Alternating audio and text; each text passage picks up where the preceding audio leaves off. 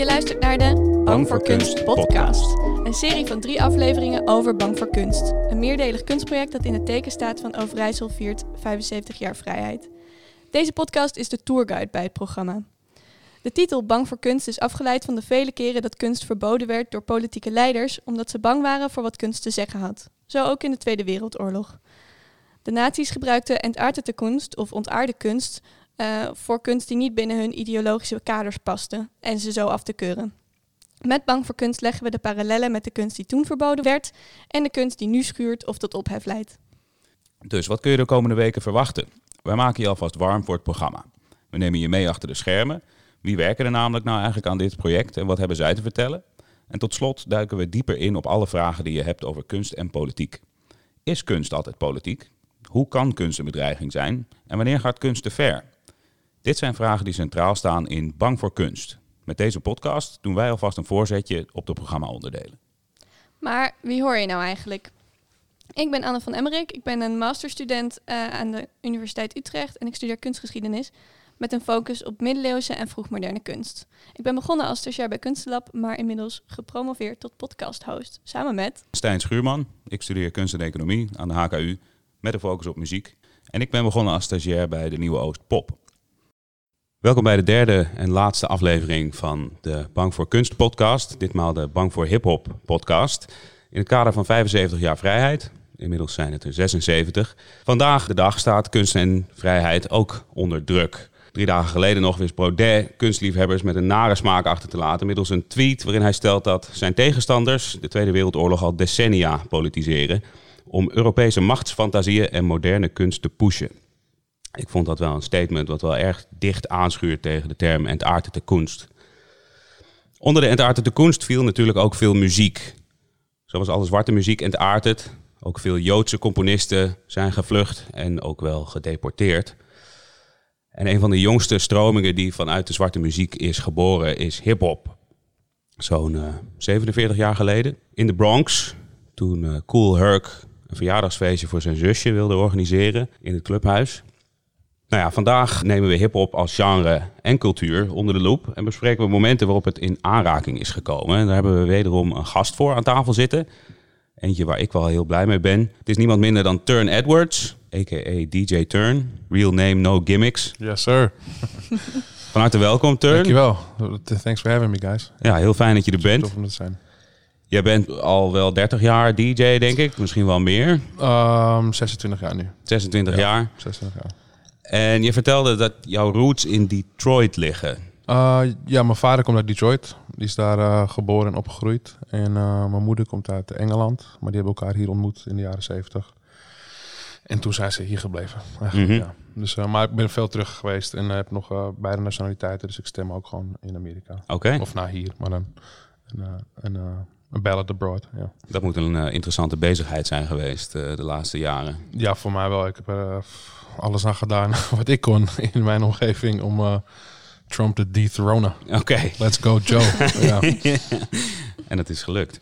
ja, en het gaat, uh, ik bedoel, we hebben het die eerste honderd dagen gehad, gaat helemaal top. Ja, Uh, Biden is on a roll volgens mij. een roll. En zelfs vanochtend uh, dat ze nu ook het patent voor de COVID-vaccinaties Vaccinaties. willen vrijgeven. Om het gewoon sneller echt... uh, ik bedoel, die guy is echt... uh, ja, Sleepy Joe, I know sommige mensen. Ik laat hem maar over ophouden. Maar, maar ik ben in ieder geval uh, Democrat all the way. Oké, mooi. Nou, we gaan het met jou vandaag hebben over hip-hop en, uh, en een beetje hoe, hoe jouw ervaring daarin is geweest. Ik denk dat jouw Amerikaanse roots daarin wel een mooi perspectief geven. Maar eerst gaan we gewoon even kort bespreken, of, of een paar punten bespreken, over waar, uh, waar politiek en hip-hop elkaar geraakt hebben in de, in de korte geschiedenis. Nou ja, hip-hop is natuurlijk allereerst ontstaan uit een, uh, uit een misschien wat barre politieke situatie. In ieder geval als het gaat om hoe er voor de minder bedeelden in de samenleving, dan vooral in Amerika, gezorgd werd. Mm-hmm. Er werd erg weinig geld in educatie gestoken. Eigenlijk werden muzieklessen werden wegbezuinigd. En dat zorgde er gewoon voor dat mensen hun eigen ding moesten gaan doen. Zo is ook samplen ontstaan. Hè, want mensen gingen natuurlijk in de platencollectie van pa en ma kijken. Daar kwam veel soul, jazz in. Maar uiteindelijk ook natuurlijk dingen als acid rock, progressive rock. Mm-hmm. Hoe zat dat bij jou? Want vol volgens mij was jouw vader ook muzikant. Ja, klopt. Mijn vader heeft ook wat albums uitgebracht. Hij is eigenlijk een comedian. Um, wel een hele vrije geest, vrije ziel. En um, hij heeft, heeft het een hele periode lang heel goed gedaan. Maar Ehm, ik ben in 79 geboren. En in die, die, die tien jaar daarna ehm, heeft hij ook meerdere albums uitgebracht. En hij deed altijd onderzoek naar muziek ook. Dat vond hij. En hij was toen vrij jong eigenlijk. Ik bedoel, toen ik geboren was, was hij 27. Dus ehm, ja, en toen kocht hij veel hip-hop eh, platen, CD's. En dan neem ik mee naar huis, liet hij rondslingelen. En eh, Mhm. ja, zodoende ben ik helemaal eh, verkocht geraakt aan de, aan, eh, aan de movement zelf. En daar heb ik me altijd wel mee bezig gehouden eigenlijk. Zoals als mijn uiting of als mijn eh, hobby of passie. En het later ook mijn werk geworden. Wat je- heeft jou dan het meest eh, erbij betrokken? het meest gegrepen? Nou ja, ik denk de oneerlijkheid in, in het begin. Ik bedoel, ik denk dat de, de eerste dingen die goed op mijn netvlies kwamen... of, of in mijn oor, in mijn eardrums bangden... is bijvoorbeeld een Public Enemy Fight the Power. Dat ik wist dat er gewoon veel dingen waren die gewoon eigenlijk niet klopten eigenlijk. eh, ja, in zo'n society of in de wereld. Of, eh, en dat, dat me eigenlijk wel de political movements in hip-hop me, me meer hebben gedreven. Ook als klein jochie. Dat ik dacht, oh, that's, that's really unfair. Dat moet anders. Of dat, eh, en dat dat iets was, ook met samples, inderdaad, wat je net zegt. Als mijn ouders naar eh, James Brown of Stevie Wonder of zelfs Eurythmics, Eurythmics of Kraftwerk luisteren en ik hoorde het dan terug. En ik wat, wat is dit eigenlijk en wat doen ze allemaal? Maar ook iemand als Herbie Hancock, dat heeft er niet zoveel met het gesprek te maken, maar mij als DJ, dat eh, Rocket, is een nummer, eh weet je dat kent, er Mhm. wordt ook voor het eerst in gescratcht op tv, dat je een videoclip ziet op MTV, dat iemand iets aan het scratchen is. Denk, Mhm. Is dat eigenlijk een... Zou je eens willen uitleggen wat scratchen is? Eh, gewoon voor de, voor de leek? Oké, ja, nee, precies. Eh, dat is eigenlijk een plaat heen en weer halen en eh, manipuleren om daar je eigen geluiden uit te krijgen samen Mhm. met de mixer. En zo wiggy, wiggy, wiggy, vooral dat soort dingetjes. Ja, precies. Maar dat is scratch eigenlijk. Maar dat is iets eh, waar ik me ook eh, de kunst daarvan eh, lang in heb verdiept, bijvoorbeeld. Of, eh. Ja. Maar eh, nee, hip-hop, ja, ik vond het. Vernieuwing en engagement, als ik het zo mag zeggen. ja, zeker. Ja. zeker. Want is dat dan de eerste plaat die je bijstaat? We hebben hier eerder over gesproken en toen hadden we het ook wel over Grandmaster Flash in The Furious 5 met Ja. de message. Ja, kijk, dat is gewoon een classic, weet je. Ik, bedoel, ik denk dat dat na Rap is the Light, wat ook in mijn geboortejaar is, volgens mij is uitgekomen, waarbij het er meer een, Mhm. een MC, de Master of Cer- Ceremony met een DJ was, die dan gewoon leuk op een feestje van throw your hands to the side, dat soort dingetjes, gezellig, we're at a party. Dat het opeens wel meer een, uh, werd gezien als een tool, een voice, weet je, die je gewoon kon delen met mensen. Dus bijvoorbeeld Grandmaster Flash, The Messages, volgens mij 1980. En daar heeft hij het inderdaad wel over heavy duty problems gewoon Ja. in de city problems. Maar eh, ik denk dat de eerste dingen die, die voor mij toch de eerste albums eh, er zijn, ja, waar ik me meer bewust werd van het hele fenomeen hip-hop en wat het eigenlijk allemaal kon doen, waren de eerste albums van Public Enemy. It Takes a Nation in Millions Mhm. en Fear of a Black Planet. Dat zijn wel de CD's waarbij ik wel echt eh, dacht van wow. En Ja. dan ben ik echt nog een klein mannetje, dus het klinkt soms raar als ik het over terugdenk, want ik was dan 8, 9 en 10 zeg maar in die periode. Maar ook, eh, mijn vader hield ook van bijvoorbeeld een NWA of Two Life Crew of, of, of EPMD of, of ehm, Rakim is ook echt een ding. Maar mijn moeder haatte het dat ik dat luisterde als klein jochie de hele tijd. Fuck de police. En dit en Oh, ja? Ja, die, ik vond het echt heel apart. En ik, ik rightfully zo aan de andere kant. Dan denk ik, wat, wat is met dit kleine jochie? Hij nou? Ja, zich, maar het, eh, eh, dat, dat raakt natuurlijk aan een heel mooi onderwerp wat we ook willen bespreken, namelijk de, de, de PMRC, onder leiding van Tipper Gore, Ja, vrouw Die, van eh, Al Gore.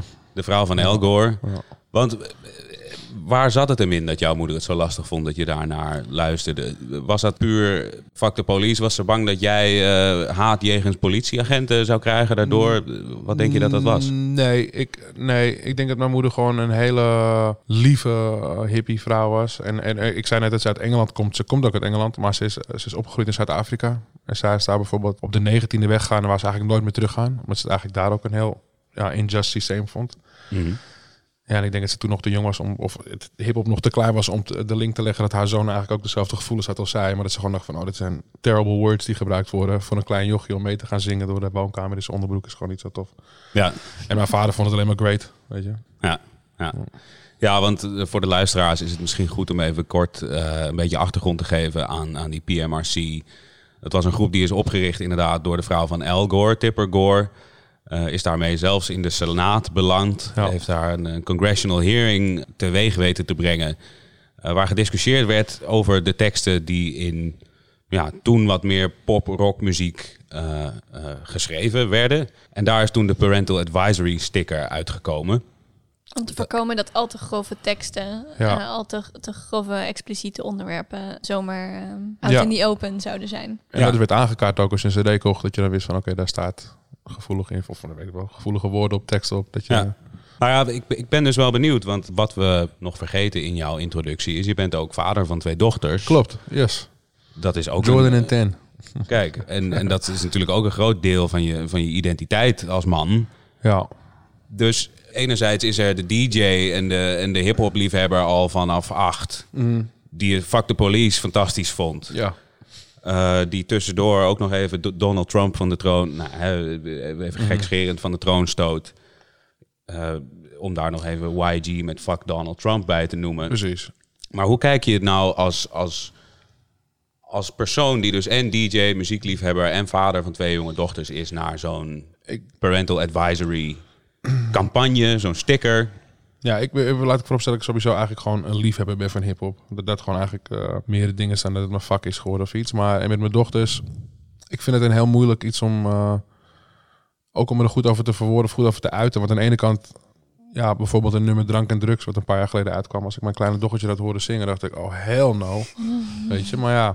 Ik vind dat lastig, want ik vind dat niks gecensureerd moet worden. En dat mensen gewoon eigenlijk moeten kunnen zeggen wat ze willen kunnen zeggen. Mhm. Zolang je mensen maar niet te veel kwetst, weet je. Maar ja, soms moet je ook mensen kwetsen of mensen scherp houden om weer de volgende movement te kunnen creëren. Mhm. Dus als hip-hop alleen maar koek en ei was geweest, vanaf het begin was er misschien wel veel minder bewerkgesteld om deuren te openen voor de volgende generatie of voor de volgende. En ook als hip-hop hip-hop liefhebber hou ik ook van de history of hip-hop. Dus ik hou vaak, ja, als een soort uh, hou ik bij waar het vandaan komt en waar het heen gaat en welke mensen voor mijn gevoel een positieve bijdrage leveren. Of wat very left field of very hardcore is of heavy. En hoe dat dan verder gaat. Eh, maar naarmate ik ouder ben geworden en in de soci- society waar we nu in leven en hoe mensen snel ehm, ja, offended kunnen zijn en alles en, en hoe ja, het gewoon de wereld nu in elkaar steekt, heb ik soms wel het idee van, eh, ja, het klinkt misschien terrible, maar een bepaalde censuur zou misschien af en toe wel moeten, weet je. Maar, maar ja, dat ja, weet niet, je kan ook iedereen een microfoon geven en nu vooral met, weet je, het is niet meer de muziekbusiness, niet meer je moet een platendeal hebben en je, het komt op plaat uit. Je kan gewoon Soundcloud hebben en gewoon zelf een microfoon kopen en gewoon zeggen wat je wil. En dat moet ook zo kunnen, want het is gewoon een creatieve uiting. En voor veel mensen is het iets moois en je kan er veel mensen ook mee raken. Maar ja, Denk je de dat... pen is mightier than the sword tegelijk ook, weet je, voor zo'n rapper. Dus ik vind het soms ook wel echt zoiets van, oké, je zegt great stuff, maar anderen vind ik totale idioot ook soms op de mic. ik vind, ja, dat, dat weet ik niet. Dus, Ja, ja. dus het is tricky, maar ik denk dat iedereen voor zich daar een beetje een, een lijn in moet vinden. En ik ben wel heel beschermend over mijn dochters. Dat zeker. Weet je wat ik zeg? De wereld is een crazy place. Maar hoe, hoe pak je dat dan aan? Want eh, ik, hoor je bij de verhaal... basis. Het begint gewoon bij de basis. Het begint gewoon, denk ik dan hoor. Ik bedoel, je, kinderen zullen je altijd op een gegeven moment kunnen teleurstellen dat ze een ding doen dat je denkt, dat heb ik je nooit geleerd of dat heb ik je niet verteld, weet je. Maar ze moeten hun eigen identiteit natuurlijk ook gaan opzoeken en hun eigen persoon zijn. Maar ik denk als je vanaf het begin af aan al meegeeft dat ze veel liefde, veel warmte, veel toffe dingen laat horen, kunst uit verschillende hoeken laat zien. Ehm, weet je, veel met ze praat en communiceert. Dat je dan in ieder geval goede bouwstenen legt voor ze, een fundering. En praat je er dan ook over? Want eh, je dochtertje zingt drank en drugs, je schrikt je een hoedje. Ja, Vertel je dan eh nou, over... dat was nog te jong toen. Ik, ik, heb wel, ik heb wel gesprekken met ze die waarvan je denkt, oh jeez, moet het pap? zeg maar, ik heb die Mhm. gesprekken wel met ze af en toe. Maar daar niet echt bij. Ze weten, maar dat zeg ik, omdat ik bij de basis al mijn best heb gedaan. Ehm, of mijn familie. Weet je, en zij ook gewoon good kids zijn. Valt het mee om het later allemaal bij te moeten schaven of zoiets, weet je. Ik zie wel dat, ik zie wel soms, laatst stond een van mijn dochters iets te zingen. Ik weet niet meer wat het was, maar er kwam een vloek of een scheldwoord, de F- de F-bomb kwam erin voorbij. En elke keer als het zei, keek ze me stiekem aan zo. Zo van, oké, zo schuin ogen. Zo van, ha, ha, ha, ha. Ik mag het gewoon zeggen, want het is een liedje. Maar dan ga ik er ook aankijken van, oh, drommels, weet je. Alsof ik er, maar Mm. het hoort erbij. Ja, dus je hebt wel het gevoel dat het wel goed landt. Jawel, zeker, zeker. Mijn oudste dochter, die wil ik niet veel vertellen, maar die is nu wel heel hard aan het puberen. En die haat alles en iedereen. En die haat mij, weet je. Dus dat is dag in de kamer met zwart haar.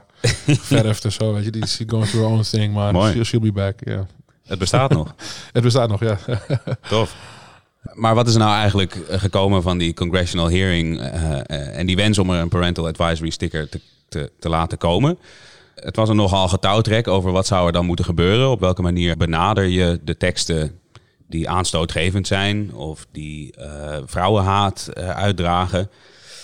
Er werd geopperd om bijvoorbeeld een ratingsysteem, net zoals dat met films gedaan wordt. eh, eh, PG-12, 13, al dat soort Precies. Maar uiteindelijk is dus gesetteld op deze parental advisory sticker. En dat werd niet per se iets wat verplicht werd. Alleen ehm, het hoofd van de RIAA, de Record Industry Association of America, There you go. zegde toe tijdens die congressional hearing dat hij eh, al zijn leden, dus alle producenten en uitgevers van muziek, ging opdragen om die parental advisory sticker te handhaven. En daarnaast werden er ook veel aangespoord om dus naast een plaat die bijvoorbeeld vulgaire content had, dan ook een clean versie te maken.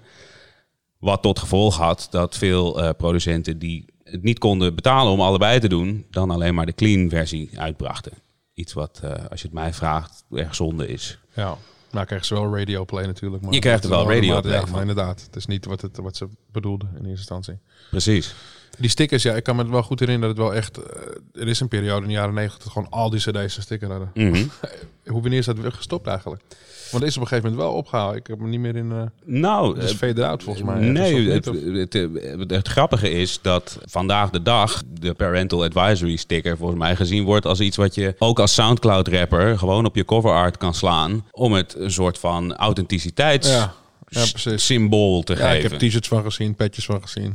ja, ja, toch? En Classic. sowieso staat er op Spotify nog steeds bij als iets explicit is. Dus Oh dat ja, is toch, een soort nieuwe Ja, vorm, zo'n eetje van, eh, ja. Van de sticker. Nou ja, en wat eh, Radio Play betreft, ehm, gebeurde er nog iets interessants in de Amerikaanse historie. En dat is dat in de jaren 80 de Telecommunications Act werd aangenomen.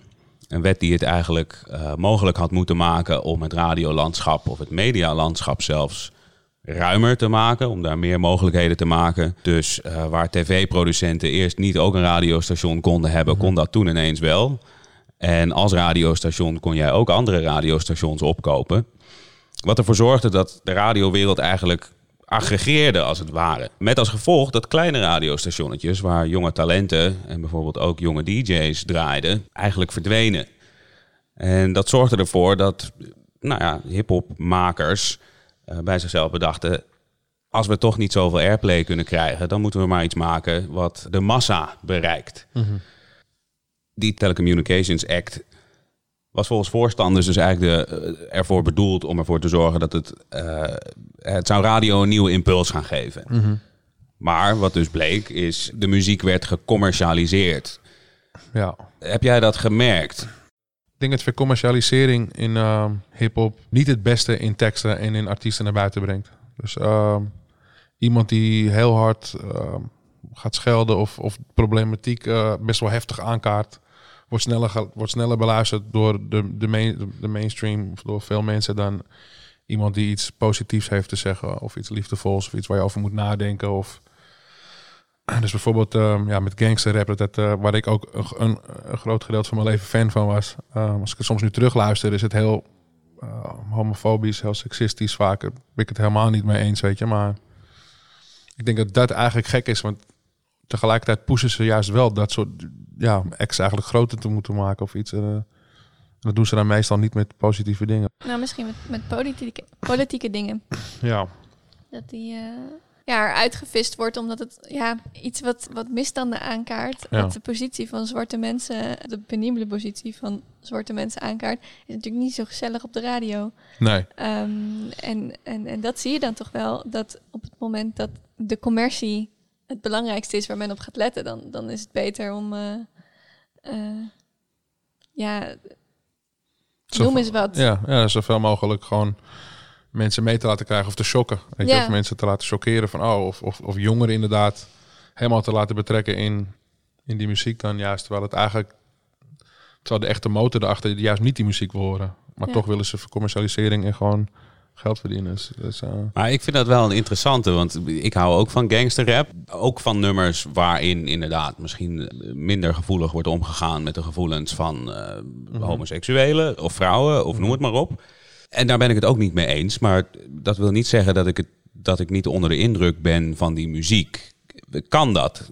Mag je, mag je van die muziek houden? Mag je de tekst zelfs waarderen zonder dat je het er per se mee eens bent? Is het niet gewoon een beetje hetzelfde als naar een horrorfilm kijken? ja, ik vind eigenlijk van wel. Eigenlijk wel. Ik bedoel, het is net als... eh, ja, vind ik eigenlijk wel. Kort, Ja. Kan ik heel kort over zijn. Ja, ik kan er ook over uitweiden, maar ik vind het wel, ja. Ja, Ja, ik, ik moet denken aan iets wat in de kunst wordt beschreven als ja, op het goede woord kom ik nou niet, maar iets wat, wat te maken heeft met afkeer. Als kunstenaar hoef je niet alleen mooie dingen te laten zien of iets wat esthetisch Mhm. is. Juist eh, in het ongemak zitten soms de, de, belangrijkste, zit de belangrijkste en de meest waardevolle respons. Dus juist om iets, iets op te roepen dat, wat, wat voor afkeer zorgt, kan, kan het grootste artistieke effect hebben. Ja, maar ik denk dat dat, wat, wat we net zeiden, ook zo provocerend te werk gaan. Meer mensen bereikt, zeg maar. En dan, als je dan met hip-hop, dat heel veel witte mensen bang zijn voor zwarte mensen. En bang zijn voor waar, waar ze vandaan komen. En dan beelden erbij zien en pistolen of weet ik veel wat. Het is gewoon, ja, gewoon heftig. Dat het eigenlijk wel de grootste stroming dan wordt binnen zo'n muziekding. En terwijl de meeste mensen die naar luisteren ook gewoon little white kids. Weet je eigenlijk. Gewoon, dat is ook wel heel vaag dan allemaal Mhm. tegelijk. Maar ehm Ja, want je, je, je, ah, doelt, of life. je doelt op eh, eh, artikelen zoals die in Forbes, die stellen dat het in 2018, in ieder geval volgens de cijfers, hip-hop het grootste genre ter wereld is. Ja, volgens mij is het al lang daarvoor. Forbes is laat met die shit.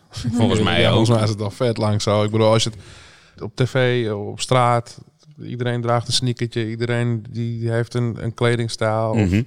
of zelfs ehm, zaken die gewoon helemaal hip-hop zijn. Of, Mhm. of gewoon logo's die helemaal hip-hop zijn. En wat is hip-hop eigenlijk? Weet je, het is zo breed, maar ik denk dat Ja. ze wel heel lang niet de credits hebben gekregen die ze toekwamen eigenlijk. eh. Heb je het gevoel dat dat nu wel zo is? Of zit er ook een beetje eh, appropriation bij? Ik denk dat, ik denk dat in bepaalde kringen, in bepaalde omgevingen, het wel eh, heel veel hip-hop kunst als kunst wordt gezien. Maar ik denk dat heel veel mensen die daar niks mee te maken hebben, daar dat nog niet inzien. Of, of denken dat, oh, wat is dat voor gezeik? Of wat is dat voor. Ja. Er gewoon niet veel mee hebben, wat ook kan natuurlijk. Weet je. Nou, oppervlakkig alles. Oppervlakkig wordt hip-hop denk ik ook nog steeds wel gezien als eh, een stroming waarin het vooral gaat om de, om de dikke auto's en Ja. eh, de hoeren. Precies, En, eh, nee, maar precies. Terwijl er zit zo'n laag onder. Onder, wat veel, veel meer inhoud heeft en ja. veel meer beauty is. Ja. Maar ook in die, die laag, ook bijvoorbeeld wat we net zeiden met de, met de, de bling bling en de auto's en de bitches en de hoes. Als ik dat zo vrij mag zeggen of zo, dan eh, dat dat is wel de muziek die de hele tijd in de club wordt gedraaid. Ja. Ik bedoel, er wordt maar weinig eh, mooie tunes of over eh, een Benita Applebaum dat hij verliefd wordt op een meisje. Dat wordt allemaal niet echt in een. Ik draai het wel eens in een club en eh, heel veel Mhm. met mij ook andere DJ's, maar over het algemeen de grotere feesten weer waar massa's heen gaan, is best wel weer om some ass music. Oké. Vaak en dat is ja weer wat massa's leuk vinden is. Ja. Zou dat terug te voeren zijn op die TCA? Eh, Dat, dat daarmee de aandacht voor die meer oppervlakkige hip-hop eh, vergroot is? En misschien de, Ja, de dat- politieke de message daarachter, nadenkt. Ja, daar- dat- daarachter is, is verdwenen, zeg maar. Of op in ieder geval op de achtergrond geraakt. Maar is het scary? Is het niet ook gewoon heel, heel, eh bedenk, of heel logisch om te bedenken dat men of dat mensen naar muziek luisteren, niet per se om daar van alles van te leren, maar vooral om zich te ontspannen, om een feestje te vieren. Tuurlijk, dat hoort er ook bij. Maar daar, ja. Ja, we leven is- nu in een tijd dat we mensen niet hoeven te offenden. Dus de hele tijd die guy gay noemen. En gay en Mhm. bitch en bitch. Mhm. Nou, en het is het Censureer ik mezelf een beetje mee. Ja. ik hoef het, voor mij hoeft dat niet meer zo. Maar ik kan er nog wel inkomen en nog wel voelen. Sorry wat wij zeggen. Nou, het, het is wel ook het verschil tussen muziek als, als, als entertainment, denk ik, en Ja. muziek als kunstvorm. Want Ja. als, als kunstvorm eh, zit er daadwerkelijk wel de, de intentie ook achter om iets te betekenen. En, en om wel je stem te gebruiken eh, om eh, iets aan te kaarten. En, en zo is het wel ook begonnen met hip-hop. Zeker. Ja, het typische was, eh, hè, we hadden het iets eerder over begin jaren 80, dat Grandmaster Flash eh, met de message uitkomt. En de Furious Five moet ik daar wel bij zeggen. Scherp. En ik keek een interview met, eh, met Grandmaster Melly Mel, Yes. die ook wel gecredit wordt eh, met het eh, zijn van de eerste conscious rapper. Mhm. En om dat even een beetje uit te wijden, de conscious rapper wordt wel gezien als de rapper die wat meer poëtisch te werk gaat Ja. en daarmee weerspiegelt in wat voor omgeving die zich bevindt. En Melly Mel zei in dat interview, die je overigens in onze bronnenlijst kunt vinden, dat op het moment dat de message uitkwam, dat het een nummer was wat helemaal niet per se weerspiegelde hoe de hip-hopcultuur er destijds voor stond. Eh, dat rappers destijds meer aan het rappen waren over het rappen en het schrijven van raps, maar helemaal niet per se bezig waren met hè, waar ze vandaan kwamen. Nee. En toen was het ineens, it's like a jungle sometimes. Makes me wonder how keep going under. Dankjewel. En het maakt dan in één keer ook, als hij dat geschreven heeft en het zo uitkomt, opeens zo, wow, that, makes a difference. Mensen gaan opeens kijken wat er hier gebeurt. Of, Ja. nou, wel tof. Ja. Minimaal. Ja. We hebben het over hoe eh, politiek en hip-hop elkaar hebben geraakt. En dan hoeven we het niet alleen over Nederland of over Amerika te hebben. Er is namelijk een mooi voorbeeld dat heeft plaatsgevonden in Senegal. In dat land waren er rond 2000 verkiezingen. En er waren een hoop burgers die het eigenlijk wel tijd vonden voor verandering. Daaruit ontstonden hip-hop groeperingen. En die gingen zich eigenlijk mengen in dat politieke debat en de campagnes. En zij hadden één man waar zij erg fan van waren. En dat was Abdoulaye Wade. Nou, ze hebben zich daar erg hard voor gemaakt. Daar kwam zelfs een eigen hip-hop stroming uit die hip-hop Galsen heet. Wat vertaald naar simpelweg Senegalese hip-hop. En dat lukte. Dus in 2000 werd Abdoulaye Wade tot president van Senegal benoemd. En in zijn overwinningsspeech bedankt hij ook deze hip-hop groepen. Tien jaar later blijkt dat Wade zijn afspraken niet nakwam. En gebeurt dus eigenlijk precies hetzelfde weer. Dit keer groeperen ze zich onder de naam Ian Amar, wat zoveel betekent als genoeg is genoeg. En weten op dat moment een anti-Wade-beweging op te zetten die goed is voor zo'n duizend handtekeningen uh, op de petitie om hem af te zetten. Zeg ik duizend? Ik moet zeggen miljoen. Een miljoen. Ja, ja. Een miljoen zelfs. En om dat even in perspectief te stellen, eh, destijds telde Senegal zo'n 13 miljoen inwoners. Dus dat is toch een behoorlijk, eh, behoorlijk percentage. En ze slaten er daarmee in om, eh om Wade niet een derde presidentstermijn te laten houden. Power to the people. Power to the people. Power to the hip-hop. Power to the hip-hop. Power to the hip-hop. En, en daarmee wou ik eigenlijk een, een lijntje trekken eh, naar ons land, toch weer. Eh, onlangs is er weer veel te doen geweest en terecht rondom Black Lives Matter. En hebben we bijvoorbeeld eh Aquasi op de Dam zien staan, die daar een eh, behoorlijk indrukwekkende toespraak deed. My guy. Your guy, My guy.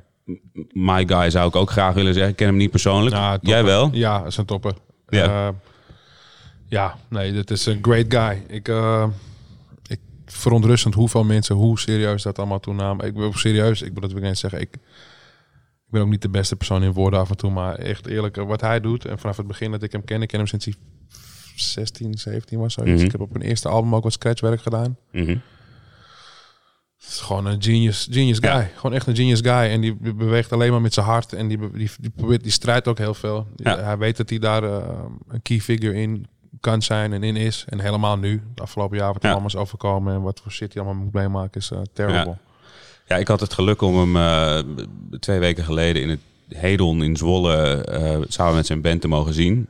Dat was fantastisch. Tuurlijk. Zeker eh, aangezien het al een jaar of tien geleden was sinds ik hem voor het laatst in het Burgerweeshuis Oh, met zwart ja. licht zag. Toen ook al behoorlijk activistisch. Ja, ja zeker. Ehm, en nu eh, heeft hij samen met wat companen een project opgestart dat Omroep Zwart heet. Yes. Waar toch al dik 55.000, zo niet meer, leden zich bij hebben aangesloten. Het lijkt erop dat ze onderdeel van, eh, van het publieke bestand op tv worden. Ja. Ja, dan ga ik misschien heel, heel kort door de bocht. Maar, maar zie jij hip-hop in Nederland ook eh, nationale impact hebben met dit soort initiatieven? Ja, want daar, daarom hebben we het erover nu. En daarom zijn er al 55.000 leden. Volgens mij is het er al meer zelfs trouwens. Volgens mij is- ik weet niet precies, maar... Ze Ja. zijn in ieder geval toegelaten. Ik vond het moeilijk om recente cijfers ja, nee, te vinden. Ik, ik maar weet dat ze een tijd geleden al die Dat was een 50 hadden mijlpaal. Ja, en ehm, ik bedoel, hip-hop ehm, is ook waar we het net over hadden. Sinds, sinds 2018 is het volgens Forbes de grootste stroming. Dat is niet, Mm. alleen, niet alleen in Amerika, het is gewoon overal.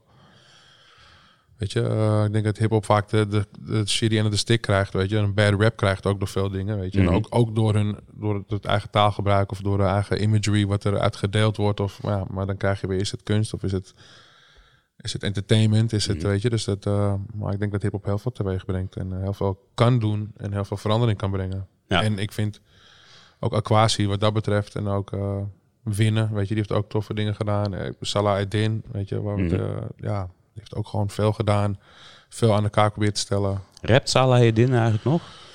Ehm, ik ben hem een paar jaar geleden, ik ken hem ook persoonlijk en de laatste keer dat ik hem tegenkwam was bij mij in de straat, een paar jaar geleden. En toen was hij wel bezig. Volgens mij was hij toen wat eh, jongere guys een podium aan het geven. Die met Ja. jongere honden gewoon. eh, maar hij heeft veel gerept ook en in het Frans ook gedaan veel. En, Ja, eh, ja. Ja. Dat zie je veel, hè? Eh, oude rotten, tussen Ja. aanhalingstekens, die, eh wordt zich vaak inzetten gezien. voor de nieuwe talenten. Het wordt vaak ook gezien als een young man's game, denk ik. Ja. En dat is wel iets wat mij persoonlijk soms stoort aan hip-hop. Mhm. Ehm, als DJ is het ook natuurlijk een soort, hoeft geen young, man, young man's game te zijn, maar op een gegeven moment ben je 60 in de club en iedereen is 18. is het misschien weird of je bent dan gewoon super tof, je doet je ding, kan ook nog. Mhm. Maar ik merk ook bij mijn generatie rappers, en ik snap het ook wel hoor, dat je gewoon niet meer misschien over al dit soort dingen wil praten. Of, eh, of dat het op een lager pitje gaat, want je bent niet in dezelfde generatie als, als jongeren. Dus dat je dat wil doorgeven, dat vind ik goed. Maar ik heb wel momenten dat ik ook denk van ik wil sommige van mijn generatie gewoon ook, eigenlijk ook nog steeds op een microfoon horen af en toe. Ja, Dat ik gewoon ook nog steeds denk, ze stoppen ermee omdat ze denken, oh dat kan niet meer en ik ben te oud of zo. Dan denk ik, nou ja, ik weet niet. Ik vind het kunst, hoe lang je het doet en volhoudt, mee bezig bent. Eh, het zal niet slechter worden, heb ik het in ieder geval, als je er echt mee bezig bent. Ik bedoel, als je, als je een trompetist eh, die heel veel talent heeft en eh, na vijf jaar zegt, ja, je moet stoppen, want je bent niet meer jong genoeg. En die guy die gaat nog door tetteren 40 jaar. En dan is hij over 40 jaar ook gewoon een beest. Maar ja, dan is hij niet meer jong genoeg om het te checken. En dat vind ik soms wel een beetje een ding. Maar ik snap het, het is een young man's game. Op zich ook weer wel. nou, dat, dat vind ik wel interessant wat, wat je daar zegt. Ik ga proberen het een klein beetje uit te pakken. Want kijk, de- inderdaad, een young man's game, dat, dat is iets wat je in hip-hop heel veel hoort. Ja. Ik ben 26, volgens mij mag ik mezelf nog net een young man noemen. Nog net hoor. Want Nog het, net, eh, hè? Ja. Bijna opa. Het, het gaat snel hoor. Het gaat opeens heel snel. Ik ben een soort Gandalf in deze game. Ja, precies. maar dat gezegd hebbend, ik ben natuurlijk... eh, mijn ogen worden groot als Frodo op het moment dat ik met een Gandalf als jij over, over Slum Village, over Jay Dilla Ja. Mhm. kan praten. Dus dat is één ding. Hè. Kijk, ik durf te stellen dat ik niet geloof dat het puur een young man's game is. Ik, vermoed dat het misschien ook wel met de inkomsten te maken heeft. Ja, precies. Zeker. Want op een gegeven moment kom je een leuke vrouw tegen of een leuke man. En je gaat daar misschien een gezinnetje mee stichten. Ja. En dan moet er brood op de plank komen. Er Ja. moet huur betaald worden, alle handen andere rekeningen. En dat brengt me ook weer een klein beetje naar wat je zegt over die trompetist. Wat we misschien toch wel onder de wat klassiekere instrumenten en dus muziekvormen mogen scharen. Waar je veel meer ziet dat mensen die 30, 40, 50 zijn nog in een orkest spelen. Ja. Ik probeer hier een link te leggen met politiek. Ik weet niet of jullie die al aanvoelden, maar eh, zou het kunnen dat als de Nederlandse politiek cultuur en dan ook urban culture echt zo'n warm hart toe zou dragen als ze graag zouden willen, dat het dan eh, gedaan is met dat gezegde van hip-hop is een young man's game? Ik denk het niet. Ik denk dat hip-hop een young man's game blijft. Ja? Helaas. Ja, ik denk het. Ik, ik weet niet. Ik bedoel, eh, Waarom? het- nou ja, omdat het gewoon. Ik denk dat de grootste groep mensen die het beluistert en het feed ook gewoon jong is. En dat ze gewoon. Ik weet, het is moeilijk te zeggen. Iemand als Kendrick Lamar is ook een soort van jong. En die, die is een fakkeldrager, weet je. Dat is wel echt iemand. Dat is eh, waarschijnlijk mijn, mijn favoriete rapper ever eigenlijk. Mhm. Dus er komen ook gewoon dingen van nu die gewoon echt mind-blowing zijn en inspirational en motivational zijn. Ik weet niet, ik zou willen dat het niet zo was. Ik bedoel, aan de andere kant, als ik denk aan bijvoorbeeld The Roots, The Roots Crew en Black Thought, als ik hem nog steeds, die komt ook gewoon nog, ze komen ook met albums en met nummers, met freestyles en die gaan dan ook opeens helemaal viral van wauw, kijk hem gewoon rappen joh, als, als een maniac gewoon, weet je. Dus ja, er zijn nog steeds mensen die het wat doen, maar het zijn geen, eh hoe heet die, uh, Tekashi 69's, weet je. Gewoon het, het waar gewoon die miljarden hits op, weet je, ja. Ja. En views en eh, Ja. ja. ja. commercie, weet je, dat is dan een ding erbij. Al is het maar Misschien om is- Misschien is het 6ix9ine, maar eh, niche. Misschien is het maar niche voor wat ouderen, weet je. Maar Oké. ik wil ze wel in ieder geval nog horen af en toe. Al is het maar om 6 9 zo snel mogelijk weer te vergeten. Wat, wat maakt Kendrick Lamar, wat jou betreft, de beste rapper aller tijden? Voor mij voelt hij verschillende stijlen qua eh hip-hop. vo- Voelt hij gewoon vlekkeloos uit. Of het iets soft is, iets gangsters, iets, iets van iets futuristisch waar ik nog niet mijn hoofd over kan vatten, omdat ik nog gewoon een oude guy ben. Mhm. Of het er juist heel old school aanvoelt. En ja, textueel gezien en eh, alle projecten die hij heeft gedaan. Ik, ik kan eigenlijk niks zeggen wat, wat slecht was. En, Ja. en het gewoon eigenlijk ook gewoon eigenlijk heel goed was. Ja, Alles is heel goed, vind ik. En hij geeft voor mij ook met zijn, met zijn video's. En vanaf het begin geeft hij, geeft hij me al een, een vibe waarbij ik hem als oude ziel zie, zeg maar. En omdat ik zelf een oude ziel ben, vind ik dat gewoon mooi. Mhm. Ik bedoel, zijn eerste concert buiten Californië was op Appelsap. En daar was ik toen ook geboekt. welk jaar? Poeh, ik... Ik ben maar één keer bij Appelsap geboekt. dus Ik ben niet vaak eh, geweest. Maar dat, dat, dat is dat ene jaar. En eh Sean P was er ook, weet ik ook nog. Ja, dat weet ik toevallig. Ja, en... ehm, Maar eh, ja, Kendrick, dat was de eerste keer. Ik denk dat hij 19 of 20 was. Dus dan hebben we het gewoon over 10, 10 jaar geleden, zoiets 12 jaar geleden. Ja. En ehm, ik weet nog ook dat ik die jongens van Appelsap zag en zei van, wauw, jullie hebben Kendrick Lamar geboekt. En toen zeiden, oké, en dan zeg ik, hell yeah, weet je. Ik was al Ja. de nerd in mij, de liefhebber, we hadden het al lang eh, gecheckt wie dat was. En hij had toen volgens mij net die Dr. Dre stempel gekregen, dat hij daarvoor dingen ging doen. En toen zag ik al wat videoclips uitkomen van hem die gewoon zo mooi waren en zo eh, een bepaalde tijd en een scene en bijvoorbeeld LA gewoon aangaven en duiden. Ik vind het gewoon prachtig wat hij doet. Ja, ja, Hij heeft er niet, niks, niet voor niks een Pulitzer gewonnen ook. Weet je, ja. zeker. En dan kun je het je dus veroorloven om woorden als bitch te ja, gebruiken. Ja, en, en, en ja, maar ja, een bitch is ook gewoon een female dog natuurlijk nog altijd. Hè, dus dat is altijd vast iedereen Zeker. achter schaalt. En ik vind bitch niet, als ik bitch hoor, dan denk ik niet gelijk, oh, a woman is a bitch of zoiets. Dat, dat denk ik niet. Ja, Maar ik denk dat hij, weet je, door, ja, waar we het eerder ook al hadden, door sommige dingen wel te zeggen of te gebruiken, dat je mensen on edge krijgt of een soort van eh, een soort shockend effect heeft. Maar ik vind Kung Fu Kenny de best ever. Dat Ja. meen ik echt, ja. Ja. Ja. Hij zit voor mij boven. Eh, Ik vind Nas ook great. Laat ik me ophouden, een hele lijst. Laat ik- weet je, maar ik vind eh, Kenny echt great. Ja. dat wordt aflevering 4, denk ik. Ik denk eh, dat we nog even iets anders moeten bespreken. Oké. Eh, namelijk, we hebben het nu gehad over ehm, teksten die eigenlijk iets, iets belangrijks moeten aankaarten. En daarvoor misschien de wat explicietere woorden gebruiken, zodat het gewoon aankomt. Ehm, nou is er in de laatste tien jaar eh, een, een, een vorm van hip-hop opgekomen, drillrap, die echt volgens sommigen aanzet tot geweld. Echt expliciet. En die ook in verband wordt gebracht met daadwerkelijk geweldsdelicten. Hoe zit het met drillrap? Ja, dus ik ben daar niet de perfecte persoon voor, omdat ik weer de oude seal guy ben. Dus, maar ik heb het wel gewoon gevolgd, een beetje. En ehm, dat komt natuurlijk uit Chicago, of nou, natuurlijk, dat komt uit Chicago, uit de South Side of Chicago. En eh, ik ben wel naar Chicago geweest. De South Side proberen te ontwijken, want de verhalen die ik hoor van mensen uit, is wel echt heel heftig. Het is echt. Detroit is ooit de murder capital geweest. Washington is het ooit geweest. Chicago. Nu zijn een paar van Houston. Zijn een paar plekken waar gewoon ja, violence gewoon een ding is en armoede gewoon echt een ding en dat wapens alom zijn, weet je, overal. Iemand vroeg me in Detroit ooit toen ik 16 was of ik een pistool wilde kopen voor 50 dollar op straat. Ja, nee dank je. Helemaal doorlopen met mijn Mountain Dew, weet je. Maar het is gewoon een, wild ass place af en toe. En, en ik, ik ben niet eens naar Chicago Southside geweest, maar als ik het moet, als ik het luister en hoor, ja, is heftig, super heftig, weet je. En eh, ik, ik ben ja, ik, weet, ik, ik voel al waar het heen gaat. Of ik dat soort dingen zou willen censureren of niet. Of of ik dat vind. Of hoe, hoe dat allemaal moet gaan. Maar ik vind...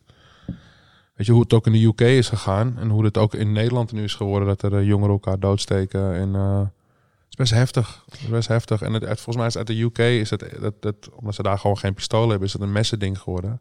En hier ook opeens. En het, eh, dat is super zonde. Ik bedoel, ik, ik ben al door Tupac en Biggie heen gegaan toen de tijd.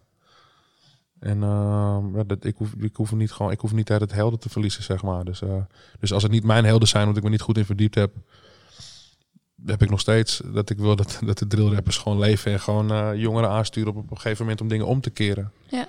Weet je? Maar ja, drillrap is super serious business op het moment ook, ja. Is het uit de hand gelopen van de oorsprong, zeg maar? Als je zegt van nou, Chicago Southside, daar is het probleem echt. Ja, En, en het is, als het daar is begonnen, is het misschien toch iets geweest wat toch een soort schreeuw om hulp is geweest. Is het toen het hierheen is gekomen losgezongen geraakt van die oorsprong? ik denk het wel, maar dat weet ik wel zeker. Want het is Amstelveen of, of Hilversum is in by no far places uh, south side of Chicago, downtown Detroit or anything like that. Dus kids got it twisted, weet je. Maar ik weet wel hoe jongeren dingen overnemen en oppikken en het gewoon tot hunzelf nemen. Of, of ook weer, ja, daar wel een expressie in eh, kwijt kunnen of iemand begrijpen, zeg maar. Wat ik net ook zei, toen ik 8, 9 was en ik hoorde... Ik zag Do The Right Thing en, eh, en ik zag Chuck D en Flavor Flav Fight The Power. dacht ik, ja, inderdaad, is is something wrong, weet je. Dus als ik dat dan... Dat de jongeren hier dat kunnen meemaken en denken van... Oh, er gaat iets niet goed daarin. Oh, ik vind het ook leuk om te doen. Dat is allemaal prima. Maar echt mensen gewoon doodmaken is gewoon crime. You gotta go jail. You gotta go jail, kid. That's done. That's a wrap. Fuck you. Ja. Way too far. Sorry. Nee, ja. nee, maar ik denk, ja. Ja. Maar ja, maar wat is dan, wat, wat is dan wijsheid in dit soort situaties? Ik bedoel, ehm, ja, wat is wijsheid, jongens? You tell me. Nou, wij denken dat dit project wel een onderdeel van wijsheid is. Hè, Dat wil natuurlijk niet zeggen dat je overal maar antwoorden op gaat vinden. Nee, Wij begeven ons niet in de groepen van drillrappers. nee. Maar wat we natuurlijk wel kunnen doen is het gesprek erover voeren. Deze podcast is daar onderdeel van. We gaan er ook Yes. een panelgesprek over hebben op 19 mei. Dat doen we met mensen die er betrokken bij zijn, zoals een Angelo Bromet. Ja, ook, Ken jij ook goed? Ja, heel goed. Dat is mijn, is mijn broer. Ja. Ja. Ja, hij, eh, heeft vorig jaar nog op Eurosonic Noorderslag een verhaal verteld over een drill act die hij boekte. En die hij eigenlijk moest cancelen op hand van de politie. Dus daar gaan we hem over bevragen. We hebben ook Rico van Opgezwollen uitgenodigd. Inmiddels Rico en Stix, moet ik Mhm. zeggen. Die ook veel werkt, net als Angelo Bromet, als eh jongerenwerker. Met zijn oren aan de straat, mogen we misschien wel zeggen. Ja. Maar we gaan het ook hebben eh, over dit onderwerp met Tasha Slagtand. Mhm. Tasha's Tasha's World, Yes. House of Knowledge. Ja. Know all these people. En Tasha vinden we ook interessant om te spreken hierover, omdat zij, het, zij is ook betrokken in veel beoordelingscommissies. Van bijvoorbeeld het Prins Bernhard Cultuurfonds. En ik denk zelf dat door een project als dit. Kijk, of het nou gangsterrap back in the day is, waar mensen zoals Tipper Gore en consorten geen grip op konden krijgen. Ja. Of drillrap vandaag de dag. Er gaan altijd dingen zijn waar geen grip op te krijgen Tuurlijk. is. En het maar voelt- je kunt het ja. wel een plaats geven in de maatschappij. Zeker. En Het voelt ook heel dubbel als ik zeg van... Oké, dat het toen ik klein was vond ik NWA en al dat soort dingen helemaal tof. En nu ik wat ouder ben, dat iemand anders een 12, 13 is en dat allemaal tof vindt. Dat ik dat dan niet meer kan begrijpen. Dat voelt Ja. ook soms heel weird. ja, Oh, sorry dat ik je onderbrak, maar dat is wel iets Nee, wat ik nog wilde zeggen. Dat, is, eh, dat, dat voelt voor mezelf ook een soort slap af. Van, oh, kom on, nou weet je, let these Ja. kids be kids. Maar ja, I want kids to be kids, but without them murdering each other. Ja. That's it, really. Gewoon, ik bedoel, dat, dat you draw a line there. Van, ja, right. Maar je, ja, maar het gaat inderdaad ook over grip hebben of niet. Want je kunt natuurlijk zeggen, eh, je mag niet over drugs rappen, maar gaat het dan stoppen? Is Mhm. dat, Nee. eh, het- Nee, en je nee, kunt er nee. wel een sticker op plakken, maar dan maak Ja, je er juist het op- verboden fruit van. Precies, maar ook een sticker op plakken. Ah, vroeger moest ik een uur in de bus zitten om een, een cd te kunnen kopen waar hip-hop op stond. En nu kan je gewoon, en dit kwam dan één keer per maand kwam er een nieuw cd'tje uit. Mhm. Nu heb je elke dag dingen op je telefoon, op je socials, dingen voorbij, kan je maar voorbij komen op alle manieren. Anywhere you go, you look at hip-hop. En als je nu gewoon 15 minuten een telefoon hebt en eh, ja, dan heb je alles onder je, ja, onder je. Dus je kan de hele tijd gefeed worden met dat soort dingen. Dus ik bedoel, er was ook ooit ik, zomaar, ik ben vergeten hoe die jongen heette, maar er was een Amerikaanse soldaat of een Amerikaanse joch uit New York die eh, in Afghanistan ging vechten met de Taliban. En toen werd hij uiteindelijk, ik wist zijn naam even kwijt. Het was een, ehm, was een groot nieuwsverhaal op alle grote media in Amerika. En uiteindelijk hadden ze hem opgepakt, zeg maar. Dat hij vocht met de Taliban tegen Amerika, terwijl hij Amerikaan was. En toen hij opgepakt werd, toen begon hij over, ja, het komt omdat ik naar Nazi heb geluisterd. Het komt omdat ik naar dit cd'tje heb geluisterd, naar dit cd. Hij begon allemaal cd's op te noemen van waarom hij een soort injustice voelde. En ehm, ja, weet je, ik, ja, heel dubbelzijdig ook weer, want ja, ja, Nou ja, maar dat is wel interessant. En ik denk eh, zeker ook om jouw eh, perspectief als DJ daarin te horen. Je hoort natuurlijk wel eens dat, dat DJ's hun tracklijst moeten aanleveren. En als het al zo kan zijn dat eh, op een festival de politie kan zeggen: die act die willen we niet. ja. Maak je dan wel eens mee, de, de- moet jij wel eens een tracklijst aanleveren? En wordt er wel eens gezegd: nou, goh, dit, dit zien we eigenlijk niet zitten. Mm, niet op die manier, want ik weet dat mensen mij gewoon boeken voor mijn, voor mijn mind, voor mijn creatieve creativiteit. En afhankelijk van waar ik ben, probeer ik me daar aan te passen. Ik heb wel eens, ik moet wel eerlijk zeggen dat ik ook wel eens heb ge- gespeeld met de politie in een situatie dat ik ook fuck de politie heb gescratcht, klein beetje toen we de muziek uit moeten zetten bij de, bij de. Koningsbrug bij de Duivel, zeg maar Koningin de dag vroeger, Mhm. een soort brug. En dat er toen muziek uit moest en dat ik nog stiekem dat liedje heel strakjes heel, heel kort aanzetten en dan weer uit en de hele publiek oh. Maar heb ik ook met Fubu een keer in Duitsland meegemaakt dat de politie het ook uitzette voor 3000 man.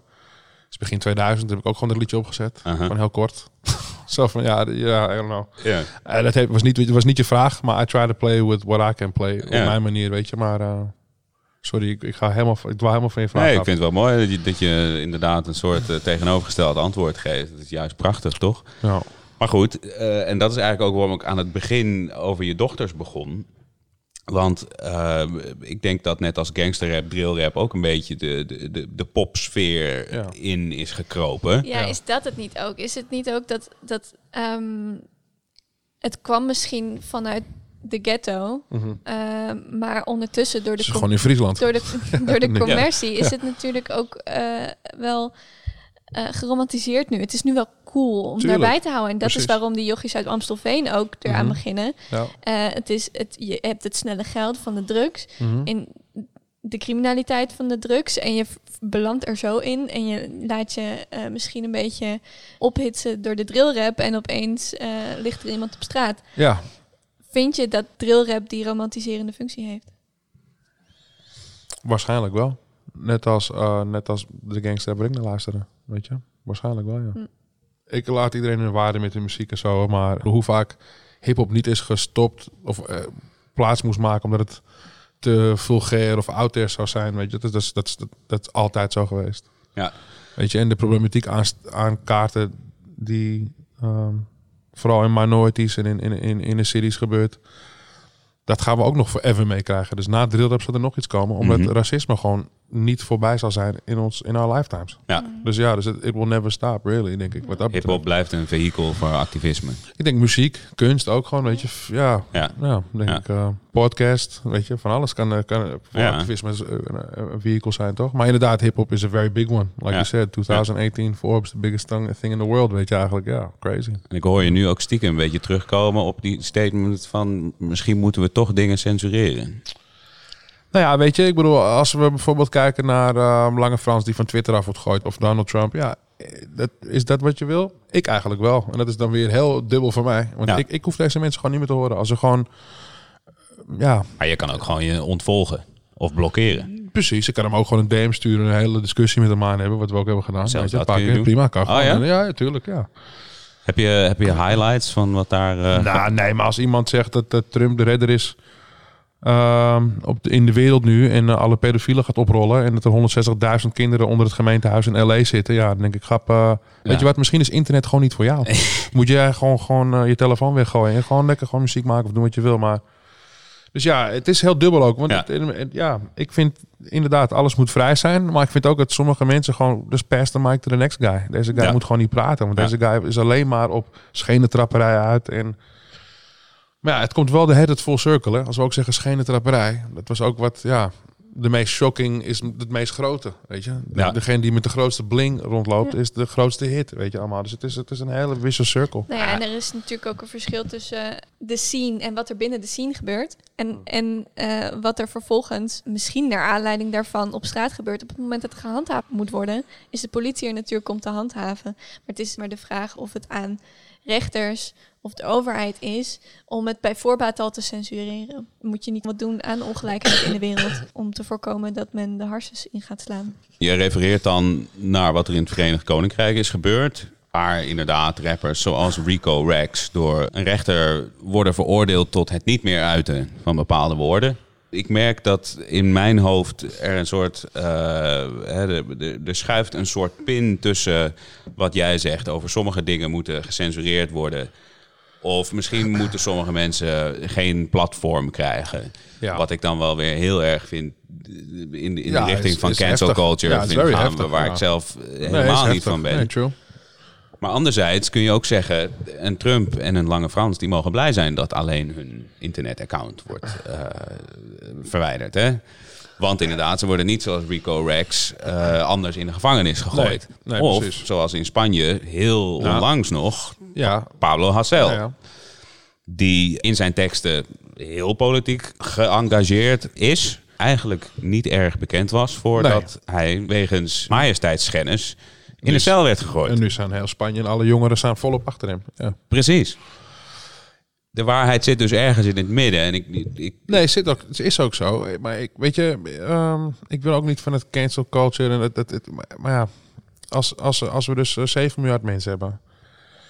En iedereen heeft eh, Twitter en Twitter fingers. En iedereen heeft alles, weet je. Mhm. Ik, ja, er zullen een paar eh, crooked ass politicians zijn... die ik eigenlijk gewoon niet meer achter zo'n ding wil zien. Mhm. En Lange Frans. En ja, dat zit. Het zijn niet heel veel. Dus dit zijn niet heel veel mensen die ik moet per se hoeven te censureren. Nee, dat is een grapje, grapje. Maar het zijn niet, zeg maar, if you're a dick, weet je, about things. En je just...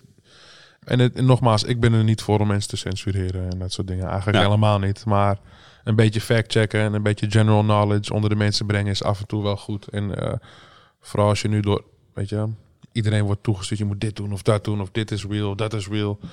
Het is 5G, het is eh, COVID, het is ik veel. Weet je allemaal, het is niet real, het bestaat niet. Ja. Ja, ik heb mensen om me heen zien sneuvelen aan de, de, aan de gedachtes van, oh dit, ja, ik weet niet. Ja. Ja. Ja. Ja, het is... A pickle. Ik vind het moeilijk wel afgelopen jaren wel, sommige dingen, ja. Ja. Ja. Maar wie niet? Zo is het. Ja, toch? Ja. I hope you're doing well out there. Stay up. Anders ik wel. Ja, toch? Hey, we hebben er een hele hoop besproken en ik heb het tussendoor ook al even kort genoemd. Maar bij elke aflevering die wij hiervan maken, publiceren wij ook een literatuurlijst. Dus alle dingen waarvan je dacht, daar wil ik wat meer over lezen, dat kan. Die vind je in de beschrijving van deze aflevering. Ik denk dat we, waar het misschien niet heel samenhangend was, wel gewoon een heel mooi gesprek hebben gevoerd over eh, politiek en hip-hop. En dat Ja. het allemaal niet zo klaar als een klontje is. Nee.